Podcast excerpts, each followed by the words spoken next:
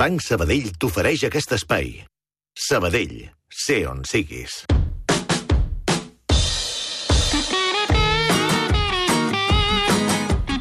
I la paraula de l'entreparaules de Ramon Solsona avui és...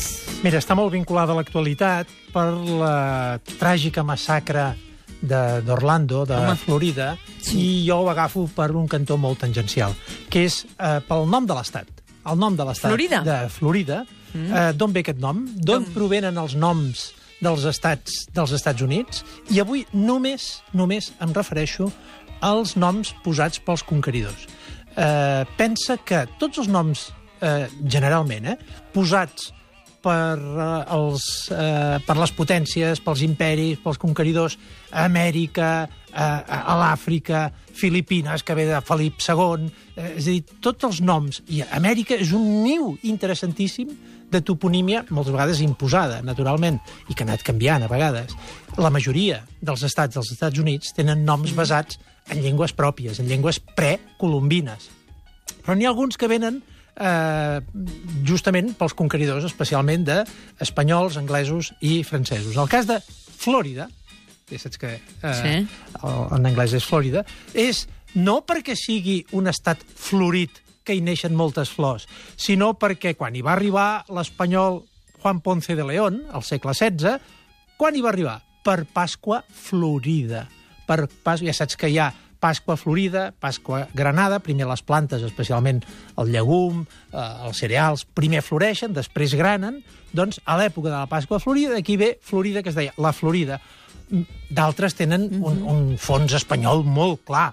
Montana, de muntanya, terra muntanyosa, Nevada, Colorado, pel riu, riu vermellós, eh?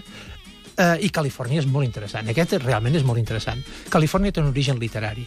Eh, és una illa imaginària, una illa literària, un nom d'una novel·la de cavalleries, segurament a tothom li sona l'Amadís de Gaula, Sí. doncs l'Amadís de Gaula, que té unes, eh, unes, eh, una geografia eh, inventada, Mm. té una continuïtat, que és les Sergues d'Esplandian, i allà hi ha l'illa de Califòrnia, però que és una illa literària, inventada. I a partir d'aquí els espanyols van posar en un eh, territori, van sí. agafar un nom literari, li van posar Califòrnia. Els anglesos, doncs mira, es van despatxar sobretot posant els noms dels seus reis. Georges, pel el rei George II, eh, Carolina, tant del nord, del nord com del sud, pel rei Carles, el rei Carles I d'Anglaterra, doncs eh, Carolina, eh, Maryland per la reina, eh, l'esposa de Carles I d'Anglaterra, Henrietta Maria, eh, Maria Maryland, Virgínia és, és, és mm, eh, curiós perquè la reina Elisabet d'Anglaterra, coneguda com a Virgin Queen, la reina que no es va casar, la reina verge va donar nom a l'estat de Virgínia. Delaware, per un individu que es deia eh, Delaware, eh, New York, pel duc de York, Pensilvània és molt interessant. Eh, el pare d'un paio que es deia Penn, Sí. William Penn, eh, el pare d'aquest individu tenia un deute molt gran amb el rei d'Anglaterra. Aleshores, el rei Carles II, per saldar el deute que tenia amb el pare d'aquest individu, dono una extensió enorme, enorme. Eh, I eh, aquesta extensió tenia molts boscos, va dir, bueno, Silvània, els boscos de Penn, Pennsylvania.